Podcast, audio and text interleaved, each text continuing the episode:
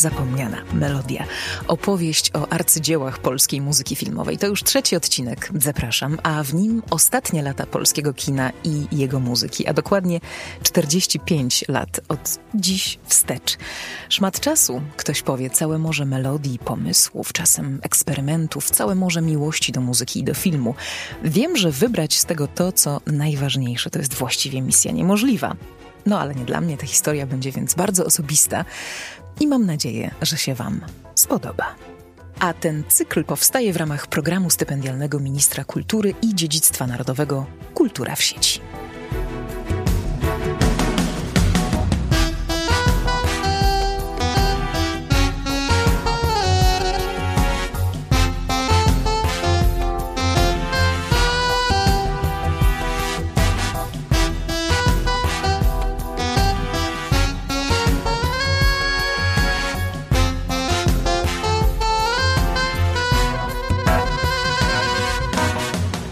Przypomnę tym, którzy dzisiaj być może słuchają tego podcastu po raz pierwszy, może tak być, a w nim właśnie pięcioodcinkowego cyklu Niezapomniana Melodia, że dwa odcinki wstecz opowiadałam o samych początkach, o tym jak się narodził dźwięk i muzyka w kinie europejskim, polskim. Były to dość szalone urodziny, posłuchajcie zresztą sami. W ostatnim odcinku natomiast przedstawiłam sylwetki tych twórców muzyki filmowej, którzy byli no, w jakiś tam sposób najważniejsi dla pierwszych 45 lat kina dźwiękowego w Polsce. Kina, które nie tylko brzmi dialogiem, ale też śpiewa i daje widzowi absolutnie niezapomniane tematy. Większość z tych, o których e, wspominałam ostatnio, wciąż jest nie tylko znana, jest popularna, słuchana i kochana. Henryk Wars, Bronisław Kaper, Krzysztof Komeda, Jerzy Duduś-Matuszkiewicz, Waldemar Kazanecki, no prawdziwi mistrzowie i takimi pozostaną. Tak sobie samozwańczo ogłosiłam w tym trudnym dla nas 2020 roku 90. okrągłe urodziny polskiej muzyki filmowej w sensie gatunku, czyli muzyki specjalnie pisanej, komponowanej dla kina. Mm, dokładnie 90 lat temu to kino dostało w Polsce dźwięk i od razu także oryginalne ścieżki. W tym samym roku też piosenki. No i ten 1930 rok był też już momentalnie muzycznie nakreślony ręką Henryka Warsa, którego wszyscy znamy i o którym więcej opowiadam właśnie w dwóch poprzednich odcinkach. Ale określenie dokładnej daty urodzin niemal wszystkiego, co jest z kinem związane, i to nie tylko w Polsce, ale i na świecie, jest właściwie niemożliwe. O ruchomych obrazach, wielu próbach y, ożywienia ich przed tym słynnym paryskim pokazem braci Limier nawet nie wspomnę. No a muzyka? Czy to nie powinno być tak, że narodziła się wtedy, kiedy narodziła się emocja?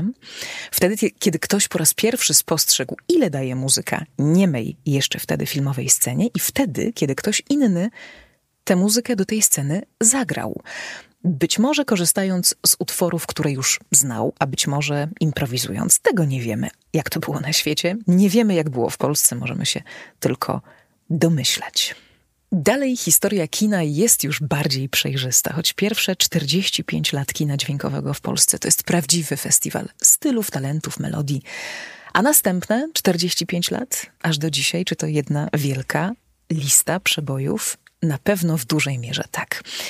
Wypisałam sobie nazwiska kompozytorów z tego okresu, o których chciałabym w tym odcinku wspomnieć, i ta lista jest tak nieprawdopodobnie długa, że chyba musiałabym mówić tutaj przez dwa dni.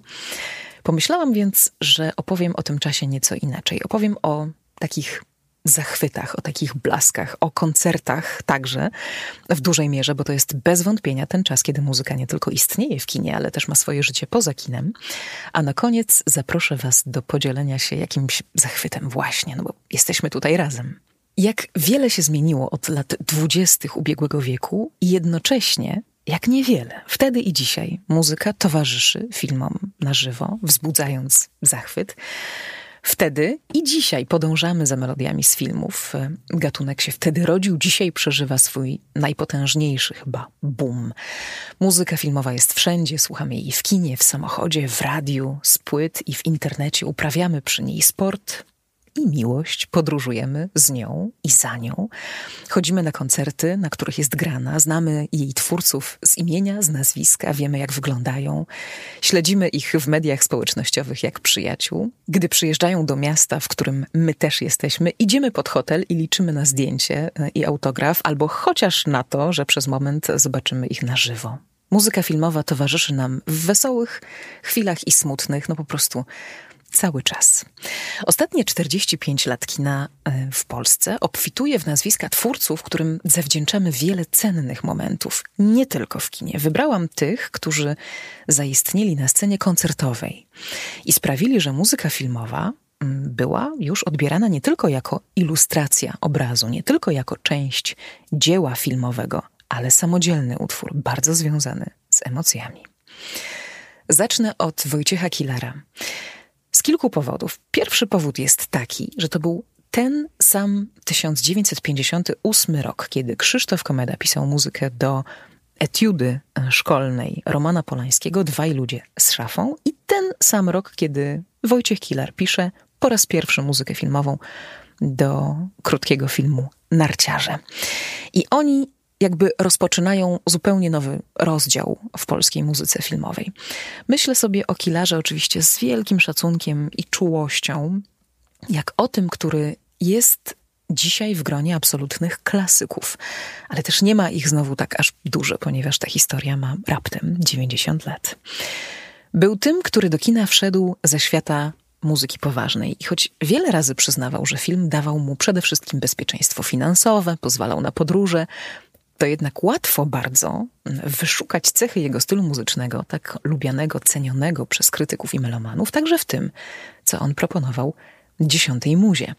Także jeśli chodzi o obecność koncertową, Wojciech Kilar ma chyba jedną z najważniejszych pozycji. Żaden z koncertów polskiej muzyki filmowej, o ile nie jest monograficzny i w ogóle skupiony na kimś innym, nie może się obyć bez jego utworów. Tu zaś oczywiście prym wiedzie Polones z pana Tadeusza Wajdy. Co takiego jest w tym polonezie. No, miałam okazję zapowiadać go ze sceny w radiu tyle razy i tyle razy się zastanawiać, co takiego w nim jest, że tych myśli mm, zrobiło się w pewnym momencie bardzo dużo, ale dzisiaj chyba jestem w stanie odpowiedzieć prosto. W tym polonezie jest dusza ciężko napisać taką muzykę, która by miała serce, tak jak człowiek, byłaby taka żywa, działająca na innych, jakby stała e, obok i jakbyśmy potrafili ją sobie w ogóle zwizualizować. To jest wielka sztuka. No i tę historię znamy wszyscy. Andrzej Wajda przygotowuje się do ekranizacji pana Tadeusza, zastanawia się, jak to zrobić. Zastanawia się, czy zostawić język e, Mickiewiczowski w tym dziele filmowym, czy to się jakoś sprawdzi pojawia się mm, liścik i płyta od Wojciecha Kilara. Na tej płycie nagrany i skomponowany specjalnie dla niego Polones. No i taka sugestia, że może to właśnie tak ma być. W każdym razie tak Andrzej Wajda to odczytuje z, takim, z taką podpowiedzią, że to, co sobie wymyślił, to jest dobry kierunek i że już wie, jak ten film zrobić. A potem mówi do ekipy słynne: Zagrajcie mi to pięknie. Nazwałam cały ten odcinek e, właśnie tym hasłem, bo pomyślałam, że te słowa mają wa ważne znaczenie. Nie tylko dla samego filmu, ale i dla muzyki właśnie. A w Panu Tadeuszu Kilar pokazał, jak ogromną rolę może mieć muzyka, a nawet wpłynąć na kształt filmu w ogóle. I to jeszcze przed zdjęciami. Takie wspomnienie kompozytora. Pytali mnie, ile razy przeczytałem pana Tadeusza pisząc tę muzykę. Broń Boże, ani razu nie czytałem, bo dla mnie w tej chwili istnieje tylko pan Tadeusz Wajdy i ja nie pisałem muzyki do poematu Mickiewicza, tylko do filmu Wajdy, ale w każdym Polaku pan Tadeusz siedzi, więc i we mnie, choć przy łóżku go nie mam. Jednak wiele razy go czytałem i te wszystkie sceny tkwią we mnie, to jest część mojej polskości i kiedy przyszło mi komponować, muzyka wydawała się oczywista. Polones ma dzisiaj swoje drugie życie polskie, wiemy o tym wszyscy. Istnieje na studniówkach, na innych uroczystościach. Ja sama nawet na studniówce do tego poloneza już tańczyłam. Wojciech Kilar mówił kiedyś, że czuło się już mm, jakiś czas wcześniej przed panem, panem Tadeuszem, że taki polonez w polskiej literaturze muzycznej musi się pojawić, a że pojawił się akurat w muzyce filmowej, no to jest według mnie bardzo znaczące. Pamiętam taki koncert z Festiwalu Muzyki Filmowej w Krakowie, zorganizowany na 80. urodziny kompozytora jeszcze z jego obecnością. Wojciech Kilar był wtedy e, z nami w hali ocynowni w Nowej Hucie, w najbardziej niesamowitej sali koncertowej świata, industrialnej, niczym plan filmowy. No i tam orkiestra e, Nospr pod batutą e, José Marie Florencio, dyrygenta o brazylijskich korzeniach. Być może to jest ta werwa, ale jest w tym polonezie, w tym wykonaniu konkretnym coś takiego, e, co sprawia, że ono się wyróżnia. Znam w tym polonezie każdą nutę, wszyscy zresztą znamy każdą sekundę, a jednak to wykonanie jest szczególne. Ma jakąś taką nieprawdopodobną energię, jakby się ten polonez wyrywał muzykom z pulpitów i chciał opuścić tę salę koncertową. Mm, I tak mi się to pięknie kojarzy z tym, że to jest tak, jakby muzyka filmowa rzeczywiście chciała się wyrwać z tego ekranu i, i wyjść poza e, kino. W koncertowym życiu muzyki Wojciecha Kilara ważnych jest wiele tytułów, naprawdę, ale dzisiaj e, jeszcze jeden wspomnę, bardzo świeży i bardzo stary jednocześnie. To Dracula Coppoli. I znowu FMF-owe wspomnienie e, sprzed roku, więc nie takie znowu e, dawne, ale także z festiwalu Fimusite na Teneryfie, bo oba te wydarzenia jakby uczciły muzykę Kilara do Drakuli, grając y, ją na żywo do obrazu. To było właściwie niemożliwe, bo Dracula powstawał w czasach, kiedy jakby cała ta opieka nad y, zawartością muzyczną, nad nutami i tak dalej nie była tak rozwinięta jak dzisiaj.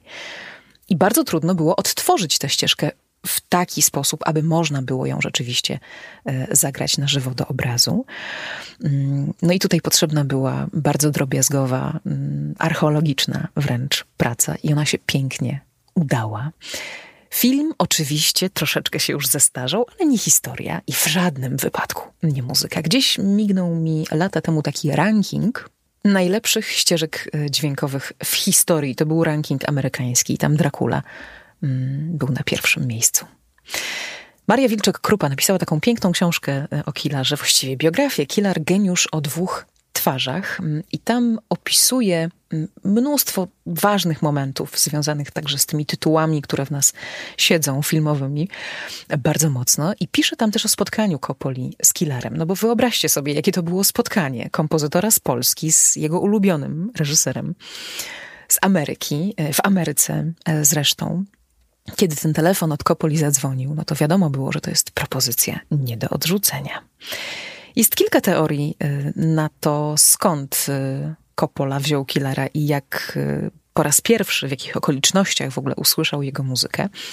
Mm, Marysia te teorie opisuje w książce. Mm, nie wiemy, która z nich jest prawdziwa, ale prawdziwe jest to, że kiedy Wojciech Kilar pojechał do Stanów i mm, i zjawił się w domu u Kopoli na kolacji, to walc z ziemi obiecanej grał tam w kółko, w kółko, wręcz to było męczące, więc być może ta teoria związana z tym, że to właśnie przez tę muzykę jest prawdziwa. No i potem panowie rozmawiali. Rozmawiali o życiu, o filmie, o muzyce, o Bogu. I kiedy kompozytor wrócił do hotelu po tej kolacji, te wszystkie emocje, były w, nim w nim tak mocno silne i tak nieprawdopodobnie działały, że dostał ataku serca. I tam w Stanach e, przeszedł leczenie, a Coppola poczekał, aby mógł zabrać się do pracy nad filmem. No, niezwykła historia, musicie przyznać. Czy to jest e, Polones, czy to jest Dracula? Ja mówię o Kilarze, że to jest kompozytor muzyki filmowej z duszą i będę się tego trzymać. A teraz y, inne nazwisko i wielka strata tego roku Krzysztof Penderecki. Łączy go z Wojciechem Killarem jakieś takie nieprawdopodobne uwielbienie, które było widać no, na przykład po śmierci Wojciecha Killara na jego pogrzebie, kiedy tak e, wiele tak różnych osób przyszło go pożegnać. Od tych, którzy się znali na muzyce świetnie, po górali, ratowników, górników i tych, którzy w kinie bywają raz w roku. I w przypadku Krzysztofa Pendereckiego stało się tak samo, bo kiedy odszedł pod koniec marca tego roku, to z całego świata napływały refleksje, mm, komentarze i jakieś takie wspomnienia, także od różnych ludzi, od artystów y, mm, wielkich scen muzycznych, od polityków, od artystów plastyków, od biznesmenów, od y, ludzi rocka i mm, oczywiście od filmowców. To, jak on był uwielbiany przez filmowców na świecie, jest niesamowite. Wiadomo, że z jego muzyki korzystała światowa kinematografia i mamy takie świetne przykłady w Egzorcyście, w Lśnieniu, ale także oczywiście w kinie polskim u Andrzeja Wajdy między innymi. W sumie tych filmów jest przecież e, kilkadziesiąt, ale Katyń wydaje mi się szczególny i o, o nim chcę też e, dzisiaj wspomnieć. E, to Szakona z polskiego rekwiem brzmi między innymi w Katyniu. I tak jak polskie rekwiem w pewnym sensie jest takim hołdem dla polskiej historii i tego, co się stało, tak dzisiaj, kiedy Szakona pojawia się koncertowo i jest prezentowana w jakimś miejscu mm, w Polsce czy, czy na świecie może nawet, to przychodzi do głowy również ten kontekst filmowy i to, jak o polskiej historii opowiedział w filmie Katyń właśnie Andrzej Wajda. Odnoszę takie wrażenie, że tutaj nie ma jeszcze ostatniego słowa, jeśli chodzi o obecność Krzysztofa Pendereckiego w kinie. Kompozytor zmarł 29 marca 2020 roku, w chwili, w której milczały wszystkie sale koncertowe na świecie. Bardzo to jest wymowne. A świat no właśnie, a propos świata. Chciałabym ująć tutaj nazwisko kompozytora, którego wielkie sukcesy za oceanem też sprawiają, że jesteśmy dumni. E, sukcesy z Oscarem włącznie, a o którego muzyce zawsze sobie myślę, że ma moc niemal dyplomatyczną. I jeszcze znalazłam na potwierdzenie tych moich słów e, taki dobry fragment w jego wypowiedzi. E, to się wszystko chyba zgadza. A Jan A.P. Kaczmarek, e, laureat Oscara, mówi tak. Kompozytor filmowy musi być erudytą, dyplomatą i psychoterapeutą. To w wywiadzie dla magazynu Film takich słów użył. Kompozytor wchodzi na plac boju, gdy nerwy reżysera bywają już mocno nadszarpnięta. Najczęściej zaczyna komponować w momencie, kiedy kończą się zdjęcia, wtedy kryzys w produkcji może być już zaawansowany. Reżyser na przykład y, ma konflikt ze studiem filmowym i kompozytor bywa jedną z nielicznych osób, które są dla niego psychicznym wsparciem. Autor muzyki jest w takiej sytuacji ostatnim chronologicznie kreatywnym członkiem ekipy filmowej. Dobrze, żeby był stabilny emocjonalnie.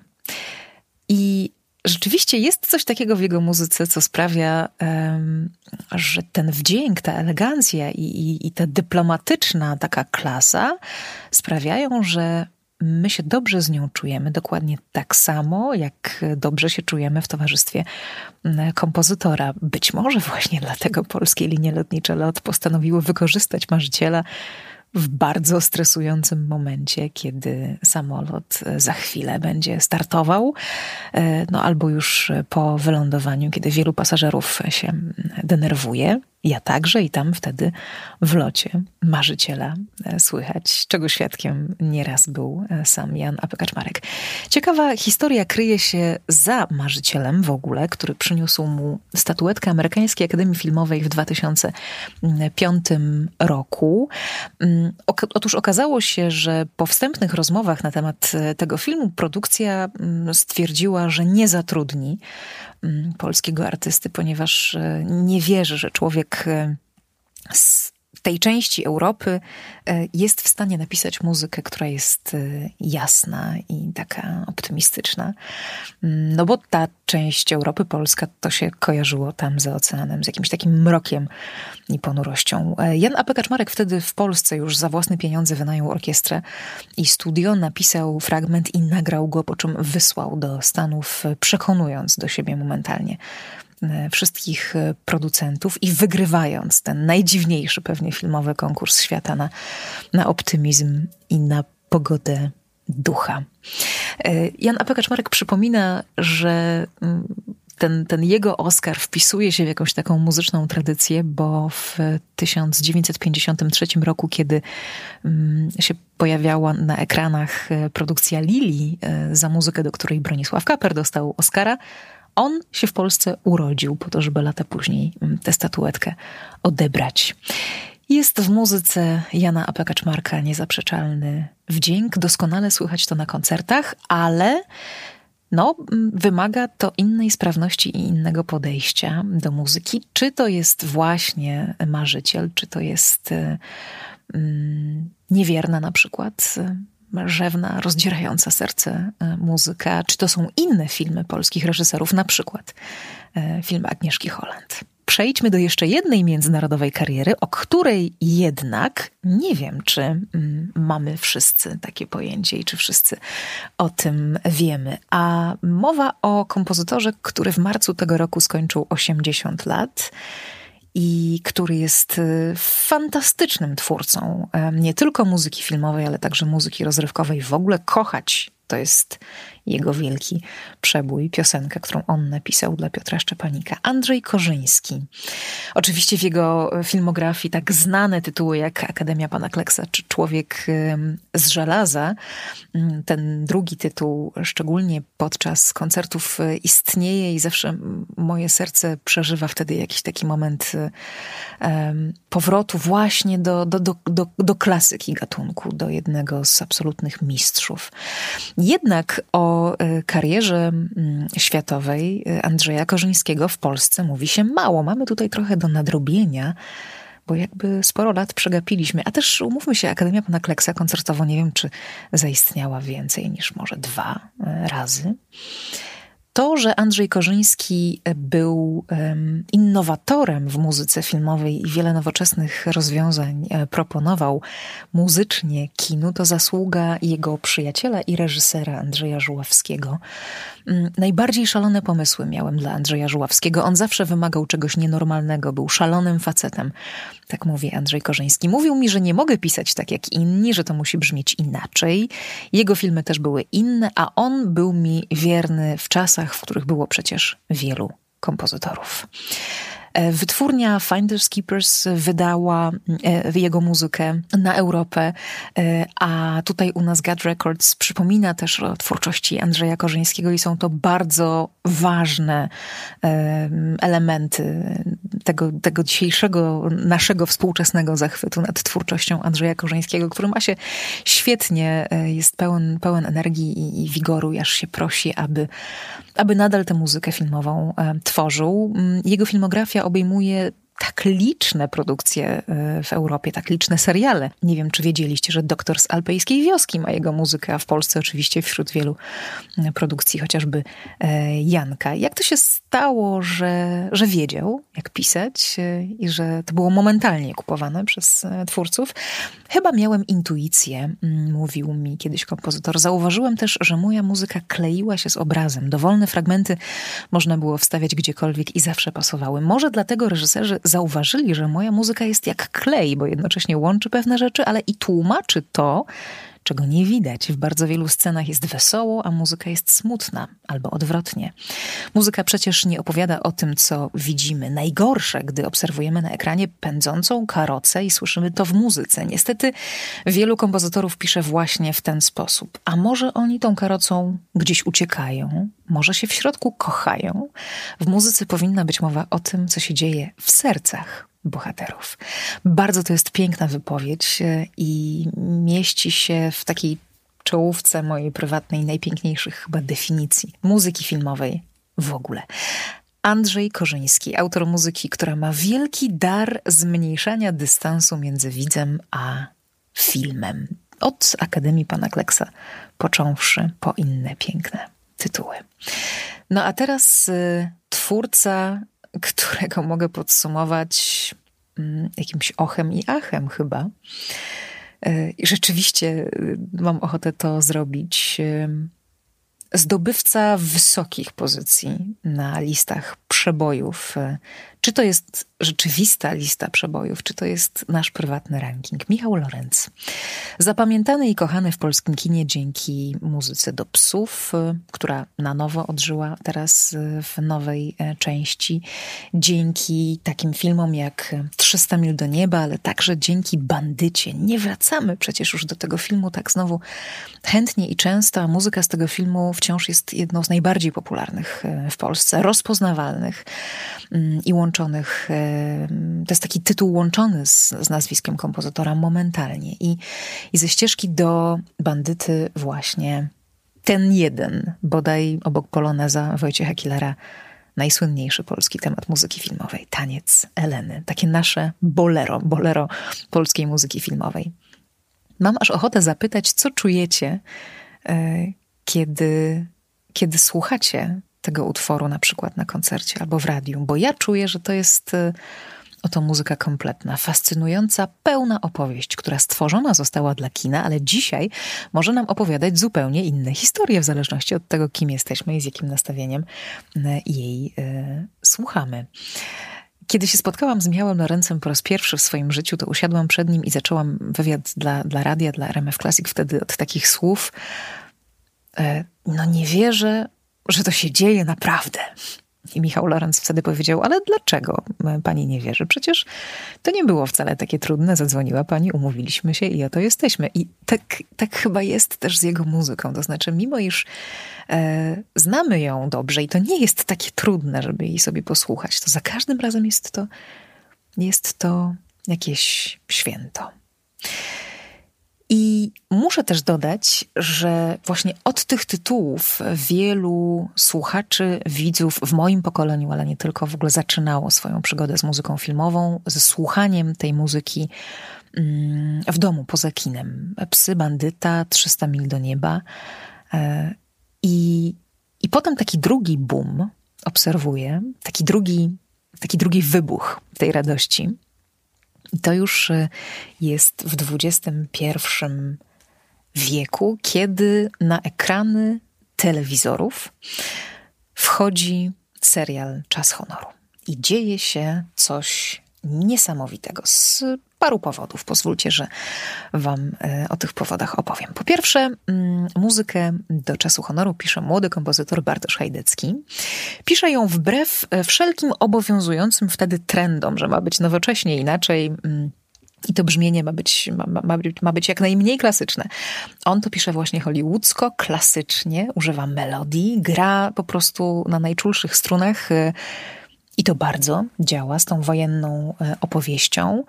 Chcieliśmy się wzruszać jako widzowie i się wzruszaliśmy bardzo skutecznie. A potem mm, niedługo później, trzy lata, jeśli dobrze pamiętam, na Festiwalu Muzyki Filmowej w Krakowie e, jest koncert wokół czasu honoru właśnie. I dzieje się coś takiego, że na scenie po jednej stronie, na scenie, aktorzy E, i kompozytor, aktorzy opowiadający o tym, jak im łatwiej było dzięki tej muzyce budować postaci, jak ona im pomagała i jak sami są fanami tej muzyki, ale też innych, e, innych ścieżek e, dźwiękowych z filmów. A po drugiej stronie widzowie, publiczność, kilka tysięcy osób, które mówią: tak, słuchamy, oglądamy, ta czołówka nas sprowadza z kuchni do pokoju, zasiadamy i chcemy, chcemy być tam mm, z bohaterami. Rola czasu honoru w koncertach y, tych dzisiejszych muzyki filmowej w Polsce moim zdaniem jest bardzo ważna. To było takie spotkanie ludzi z obu y, stron, z tej strony kamery i z tej strony y, kamery, widzów i aktorów i wzajemnego przyznania, że oto i my, i my jesteśmy fanami tego gatunku. Tego gatunku, który prawdopodobnie teraz rozpoczyna swoją e, bardzo wyjątkową, koncertową, właśnie już na, na taką masową skalę drogę. No, oczywiście jest też jeszcze, jeszcze ten fakt, że Bartek y, był wtedy naprawdę młodym kompozytorem i, i ta młodość y, też była bardzo odczuwalna. Dzisiaj mocno trzymam kciuki za wszystkich młodych, właśnie startujących w tym zawodzie, chcących pisać muzykę dla e, kina, mm, no mm, i, i uczących się tego, bo tego się już uczy na uczelniach e, w Polsce wierzę, że będą mieli sporo do zaproponowania. A ja chciałabym powiedzieć e, jeszcze o mistrzu. Tym mistrzem jest e, Tomasz e, Stańko, który w 97 roku wydaje z, ze swoimi muzykami płytę Litania The Music of Krzysztof Komeda. Sam zaczyna u boku komedy i później ta płyta z, z muzyką komedy w nowych aranżacjach i, i co się dzieje? No, dzieje się na przykład to, że ja końcówkę lat 90. pamiętam także przez pryzmat swoich wydarzeń życiowych dzięki temu albumowi, że oto muzyka y, filmowa i oto jazz po prostu wciskają się w pamięć i we wspomnienia ludzi u mnie akurat dorastającej dziewczyny, której gust się kształtował i, i sympatie, i filmowe, i muzyczne. W wywiadzie dla Jazz Forum Tomasz Stańko mówi tak. Komeda wciągnął mnie na dużą scenę i zrozumiałem, że wreszcie będę mógł mu to oddać. Z takim składem wspaniałych muzyków i przy tego typu wytwórni, która gwarantuje międzynarodową dystrybucję, zorientowałem się, że być może ja mu nic nie oddaję, tylko że to on, komeda po śmierci, wciąga mnie na jeszcze większą scenę. I tutaj wracam do tego słowa, które było mm, paręnaście minut temu, dla mnie tak bardzo istotne, do słowa interpretacja, bo przecież Tomasz Stańko, poza tym, że sam był kompozytorem muzyki filmowej, to jeszcze był genialnym interpretatorem i dzięki jego mm, wykonaniom ta muzyka Krzysztofa Komedy tak mocno się w, w, tych naszych sercach utrwaliła. Y, całe szczęście, że mamy tych wybitnych y, interpretatorów, y, wykonawców w Polsce. No, do takich należy przecież także mm, Leszek Możdżer. Jeszcze jedno nazwisko, y, które się ociera o świat jazzu, bardzo nietypowo i w swoim stylu. Mikołaj Trzaska, y, który proponuje nam muzykę skrajną, drapie, potrząsa nami. Od lat w mistrzowskiej parze z Wojtkiem Smarzowskim, więc jego filmy robią to samo. Nie pozostawiają widza obojętnym spokojnie w fotelu y, kinowym i tak samo muzyka Mikołaja Trzaski, która jest gdzieś tam jakąś taką ilustracją jakby podskórną i, i, i wewnętrzną. Bardzo ważne nazwisko i cieszę się, że, że też y, Mikołaj Trzaska koncertowo e, w świat rusza z tą swoją muzyką, choćby z muzyką do filmu e, Wołyń. I te koncerty za każdym razem to jest nie słuchanie, oglądanie, tylko to jest doświadczenie. Doświadczenie właśnie. Swoją drogą konsekwentnie po swojemu w bardzo ciekawy sposób podąża też Antoni Komasa-Łazarkiewicz. Artysta, kompozytor, y, człowiek, który mieszka w Berlinie, więc to okno na, na świat ma też szeroko otwarte, współpracujący z twórcami nie tylko z Polski, ale też y, bardzo mm, jakby połączony tutaj y, rodzinnie. Czego się nie wstydzi, z czego uczynił swój walor. Od lat mocno pracujący z Mary, ze swoją żoną, z Mary Komasą, ale też z mamą Magdaleną Łazarkiewicz, no i z Agnieszką Holland oczywiście. E, myślę, że to, że są rodziną, dla nich to już nie, nie ma jakiegoś większego znaczenia, bo oni przede wszystkim znaleźli w sobie e, partnerów artystycznych. A kiedy się znajdzie takich partnerów artystycznych, to naprawdę, mm, naprawdę szkoda ich wypuścić.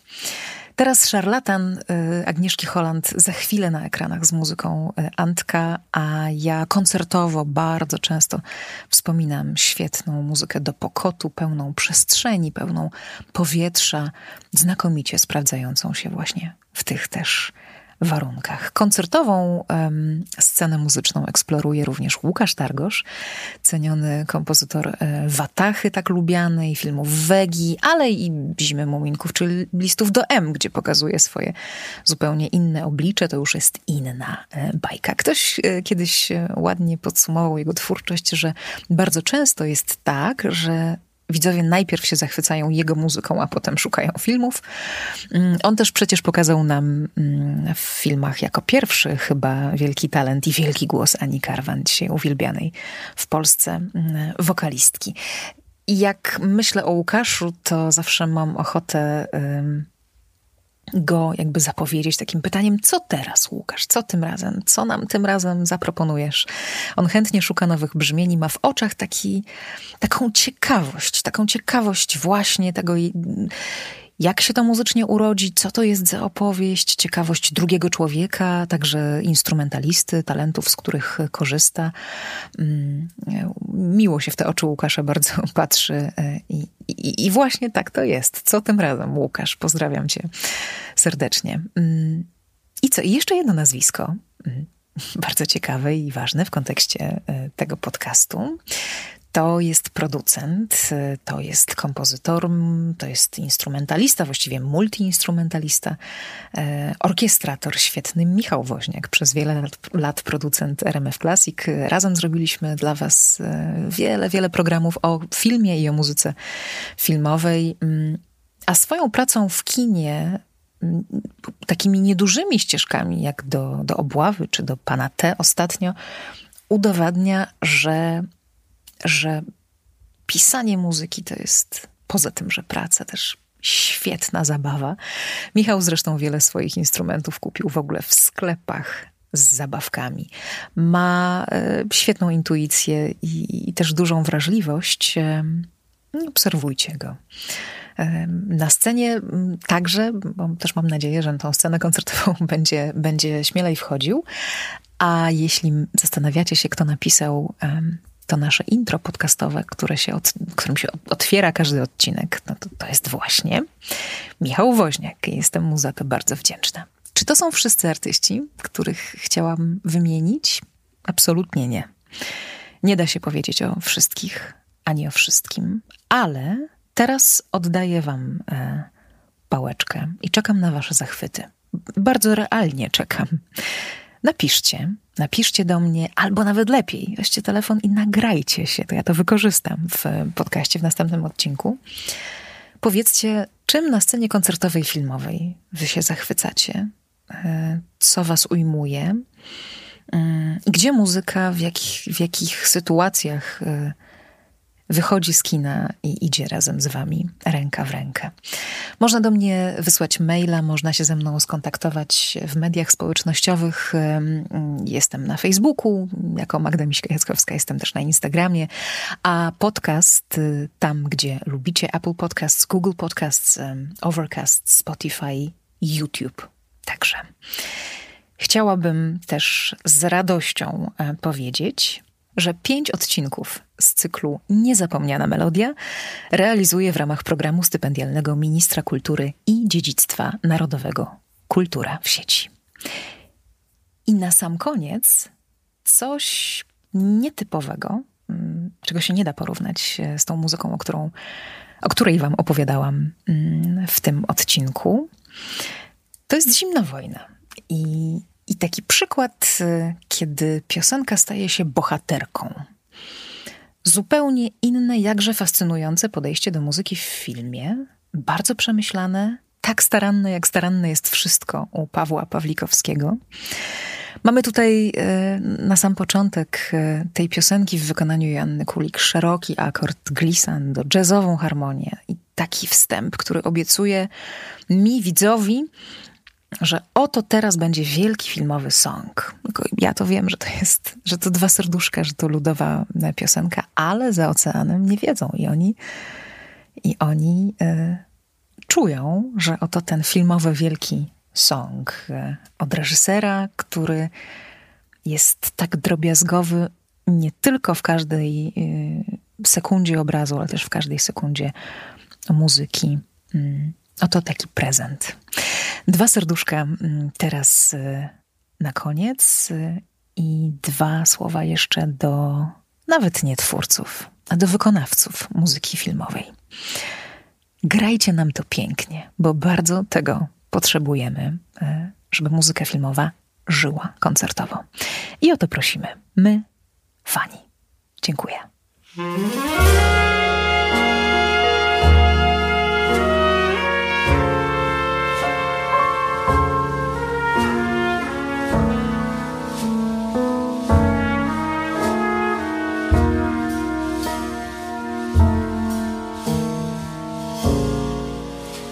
Dwa serduszka, cztery oczy, ojojoj. Co płakały we dnie w nocy, ojojoj. Czarne oczka, co płaczecie, że się spotkać nie możecie, że się spotkać